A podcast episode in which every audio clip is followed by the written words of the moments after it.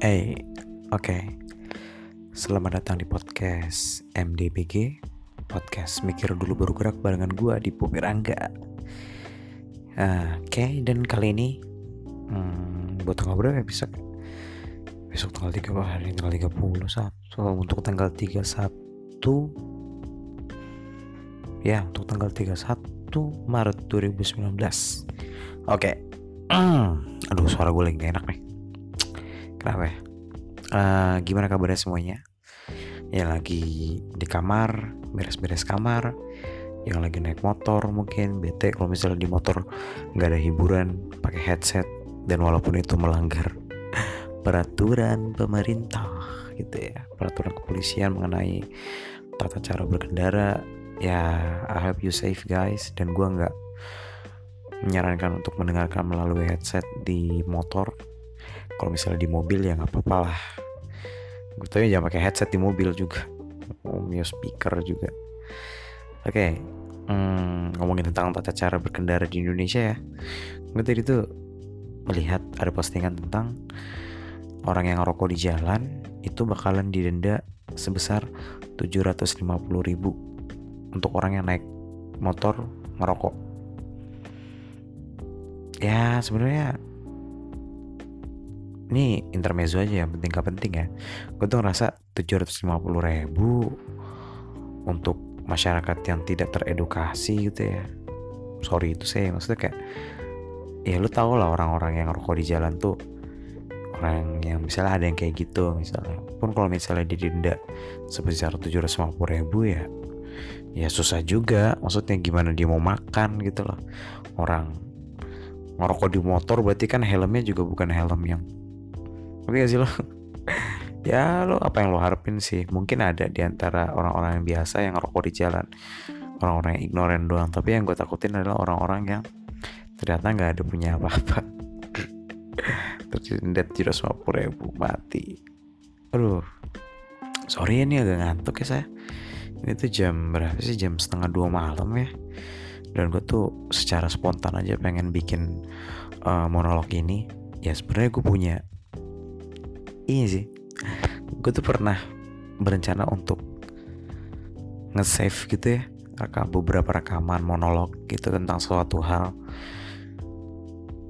Gue coba nge-save gue ngomong ini ini buat minggu depan minggu depannya lagi minggu depannya lagi. Dan ternyata setelah gue nge-save sekitar 5 rekaman gitu ya 20 menitan lah sesuai durasi biasanya gue ngomong gitu tiba-tiba topiknya tuh ada yang menarik lagi nih menarik lagi nih menarik ini. Gue tuh merasa dunia itu selalu menawarkan hal yang baru gitu loh. Mungkin gak selamanya berita mungkin ada juga yang cerita gitu loh. Ya tapi baru terus yang ada di luaran sana. Makanya gue kadang-kadang pas pengen ngupload satu episode monolog di hari minggu ya tek. Aduh padahal baru aja kemarin kejadian ini kejadian itu. Kayak misalnya kejadian sih. Yang kemarin viral itu. Hmm, ya pokoknya gitulah aku nggak mau sebut satu-satu. Malu gue nanti lu tahu standar prioritas gue terhadap isu-isu penting tuh apa aja. Ya maaf. Uh, monolog ini sebenarnya kan gue bikin untuk ngerekam pemikiran gue saat ini gitu loh. Uh, di umur segini di tanggal segini lo tuh lagi mikirin apa gitu loh dan gue lagi banyak nonton apa ya waktu itu ya gue dengerin rekaman gue sama teman gue yang di mana gue ngomongin tentang merasa minder dengan apa yang orang lain punya dan juga apa yang orang lain bisa gitu loh. Gue pernah merasa minder di mana teman-teman gue tuh yang kuliah di tempat yang sama di bangku yang sama kayak gue gitu kan di kelas yang sama dengan jurusan yang sama gue tuh mikir kok mereka lebih tahu link-link dibanding gue gitu loh. Gue nggak punya mungkin link kerjaan atau kenalan atau apa pun itu. Gue tuh merasa pernah kayak sedikit insecure juga sama hal itu. Sampai pada akhirnya ternyata oh ternyata jalan gue bukan situ waktu itu. Dan itu ya terus out untuk beberapa konten-konten yang gue lihat sekarang bener sih. Gue tuh kayaknya tertarik dalam dunia bisnis. Bagaimana caranya misalnya kayak manage keuangan apa segala macam. Ya begitulah. Anjir ini podcast. Kadang-kadang gue mikir kayak uh, apa gue sedang mempermalukan diri sendiri? Mungkin enggak gitu kan. Tapi omongan gue mengenai podcast ini tidak menembak segmen yang banyak gitu kan. Ternyata kesel juga kalau misalnya yang dengerin cuman ya berapa? gitu. Ya ini sih. Ya udah gue cerita aja deh. Daripada ngalor ngidul ya. Gue tuh pengen cerita tentang hmm, kegendutan tentang standar-standar yang telah dibentuk oleh sosial mengenai tubuh gitu. Jadi ceritanya adalah salah satu teman gue itu lagi bingung untuk ngambil judul skripsi apa gitu kan. Dia ngomongin tentang ya gue mau ngambil tentang fat shaming nih gitu. Apa tuh fat shaming? gitu kan. Fat shaming itu adalah mempermalukan orang yang secara standar sosial itu nggak sesuai badannya tubuhnya gitu loh. Mungkin kegendutan atau berat badannya kurang ideal atau bentuk badannya yang kurang bagus kayak gitu gitu dan gue tuh di sana uh, sebagai penasehat ya gue ngomong kayak ya fat shaming sebagai apa namanya ganda itu ada standar ganda di sana di mana kayak ada orang yang benar-benar tulus. Misalnya melihat kamu agak hitaman misalnya setelah lama gak ketemu. Eh kamu uh, agak hitaman emang liburan ke mana? Mungkin secara nggak sadar dia cuma tulus ingin bertanya tentang lo tuh liburan di mana? gitu. Ada juga yang menangkapnya beda. Nah itu yang gue sebut dengan standar ganda. Persepsi motivasi orang kan beda-beda Dalam melihat sesuatu. Nah itu. Nah dalam wacana fat shaming dan body shaming ini Hal tersebut sudah masuk terhadap pelecehan gitu Yang gue kayak Sulit juga sih kayak gini. Maksudnya Gimana ya. Mungkin kalau misalnya gue menjadi orang itu Gue tuh secara tulus nanya Eh teman mungkin dia main ke pantai? Atau mungkin dia apa gitu loh? Atau dia mungkin lagi proses tanning gitu? Mungkin aja gue nggak tahu. Dia suka tan skin mungkin atau enggak ya gue pengen tahu aja sebenarnya. Mungkin itu bukan urusan gue dan gue mungkin salah atas menanyakannya. Tapi di zaman sekarang masa apa apa privasi sih? Uh, tentang agama juga kayak uh, apa sih yang privasi? gitu loh. Nanya agama nggak boleh apa nggak boleh. Rasanya dulu gue nanya agama teman gue biasa aja gitu loh. Hmm, bukan bermaksud apa sih kalau masalah agama gitu ya? Maksudnya uh, mungkin gue bisa nge-treat seseorang sesuai dengan apa yang gue harus treat dia. Misalnya kayak oh teman gue non muslim misalnya dan lo tau gak sih? Ini jokes menurut gue kayak gue tuh di kampus kalau ada se ada uh, dua tiga orang atau empat orang yang non muslim gitu ngumpul apa ya minimal dua lah gitu ngumpul gitu kan. Masih mereka tuh bertukar informasi tentang warung babi yang enak. Ini entah gue di Solo doang apa gimana tapi rata-rata kayak gitu. Mungkin mungkin yang dari uh, etis yang lain gitu yang eh bukan etis goblok. Sorry sorry sorry. Hmm, dari kelompok lain tuh tuh kayak merhatiin hal itu lucu juga gitu loh. Mereka tuh saling uh, ngejar kom informasi gitu kayak ya enak loh yang warung ini di sini namanya ini. Kayak gitu gitu udah murah gini gini kayak gitu. Sama kayak apa ya orang Islam? Orang Islam. Orang Islam tuh ngomongin apa ya biasanya kayak gitu ya? In specific. Masih ngomongin mau kena yang bagus sarung yang bagus koko yang bagus peci yang bagus enggak sih. Nah kita tuh nggak punya pride di situ sih. Ngerti nggak maksudnya maksud gue pride tuh yang kayak gitu. Jadi cuman komunitas atau kelompok lo aja eksklusif aja yang ngerti gitu. Yang ini enak yang itu enak. Mungkin uh, bukan tentang agama lagi sih yang kelompok-kelompok bunder-bunderan ini diagram Venn ini sih. Mungkin diagram Venn bisa diganti sebagai hmm, mau minum misalnya udah nyobain ini belum? Nyobain ini belum? Kayak gitu gitu kan lucu banget sih menurut gue ya gitulah aduh ragam budaya seru juga sih. Betapa banyak orang yang iri sama ragam budaya kita gitu loh. Gue tadi tuh nonton uh, asumsi Mardani Alisera ngobrol sama Pangeran Siahan Siahaan Siahan sih Siahaan.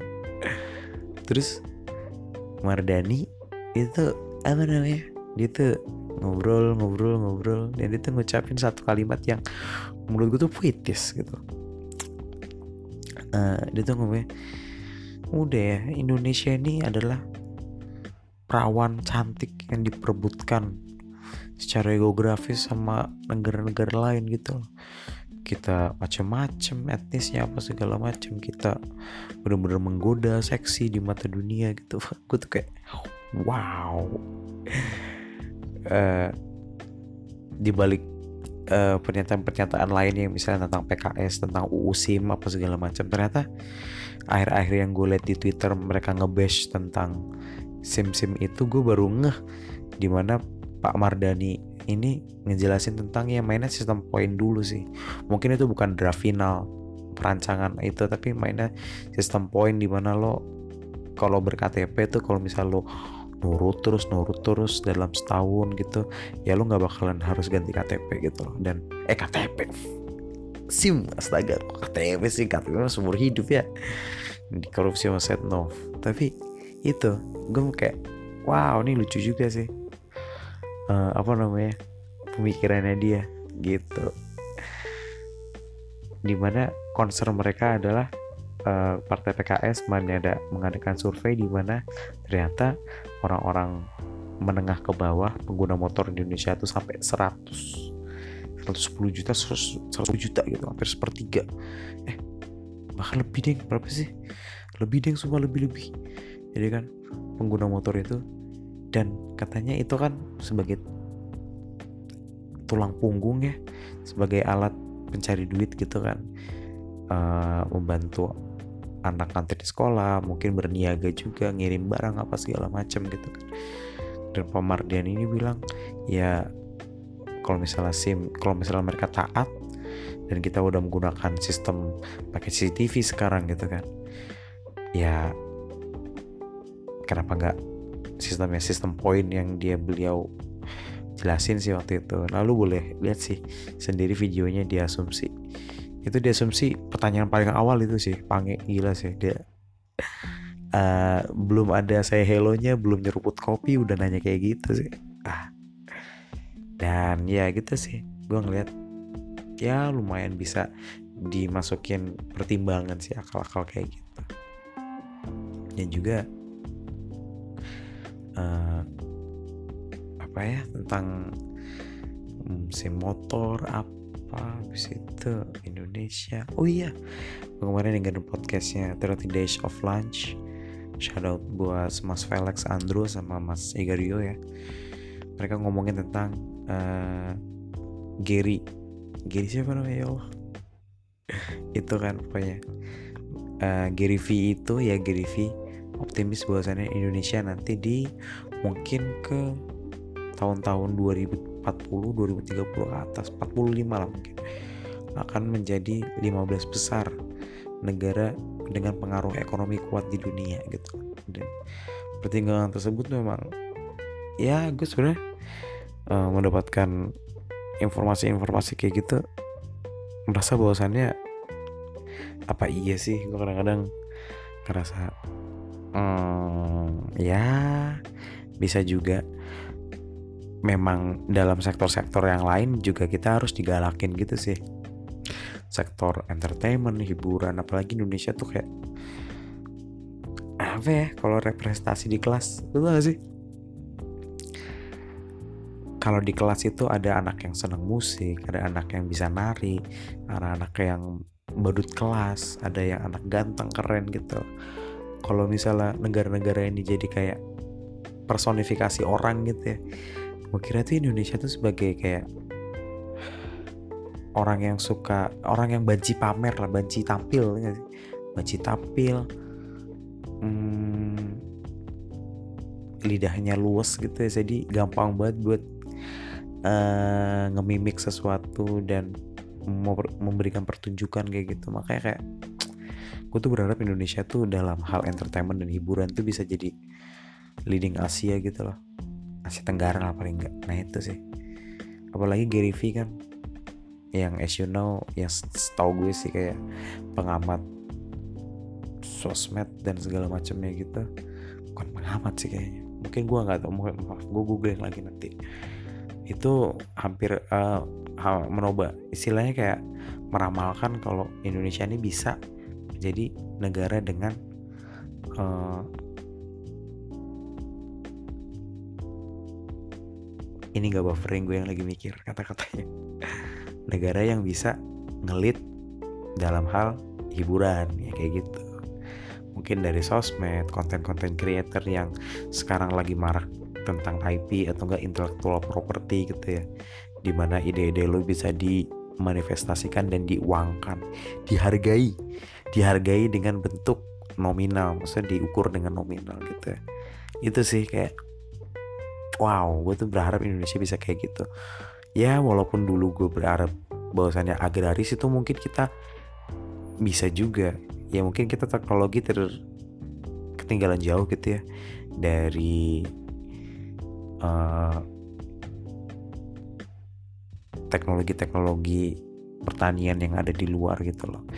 Gue juga nonton The True Cost tentang kapas gitu ya. Tentang penanaman kapas yang bener-bener cepet banget di mana dunia tuh bener-bener suka mau baju gitu pokoknya fast fashion cepet-cepet-cepet gitu. Mereka aja dalam uh, investasi pertanian atas kapas aja segitunya karena dunia selalu membutuhkan baju yang baru gitu loh. Gue merasa kayak wow apa Indonesia bisa mungkin Indonesia bisa ngambil falsafah. Ya sebelum mikir pasti harus makan. Gue berharap kayak gitu sih. Indonesia nanti padinya banyak lumbungnya penuh. Itu sih. Is it too much to ask for? Kalau kata Mbak Arina Moka ya. Ya itulah. Gue berharap bisa tercapai. Dan juga udah sih kayak segitu aja. Gue sorry ya kalau misalnya kurang berbobot. Soalnya sebenarnya monolog ini gue pakai gue adakan gue rekam gue inisiasi untuk uh, memberikan diri gue self reminder. Bahwasannya oh ternyata yang lo pikirin dalam seminggu ini adalah ini gitu loh. Mungkin gak terangkum semuanya dalam berapa menit ini? Dalam 20 menit gitu loh atau dalam 25 menit atau berapa belas menit gitu. Tapi setidaknya lo punya kenang-kenang atas diri lo atas pemikiran-pemikiran lo yang bahkan gue tuh menyesal waktu SMA gue nggak merekam pemikiran gue apa. Mungkin kita menganggap diri kita tuh arogan. Ya kesombongan masa muda yang indah gitu kan tapi kalau misalnya kita merekam hal tersebut dan kita bisa mendengarkannya kapan-kapan, surprisingly kita pilih secara random gitu. Oh gue mau dengerin gue yang tahun 2018 gitu. Itu pasti lucu banget ya kan. Ketawa-ketawa dengerin diri sendiri. Ini gue bodoh banget atau apa gitu. Itu sih yang pengen gue gue gue coba. Nah itu. Nah, yaudah buat teman-teman semua, thank you banget yang udah dengerin podcast MDPG di segmen monolog ini. Dan buat kamu yang lagi berkendara, stay safe. Buat kamu yang lagi beres-beres kamar, semangat. Dan buat kamu yang lagi siap-siap mau tidur, belum ngantuk tapi denger, sempetin dengerin podcast dulu sambil main-main sosmed mungkin atau ngapain. Ya semoga tidur kamu nyenyak gitu ya.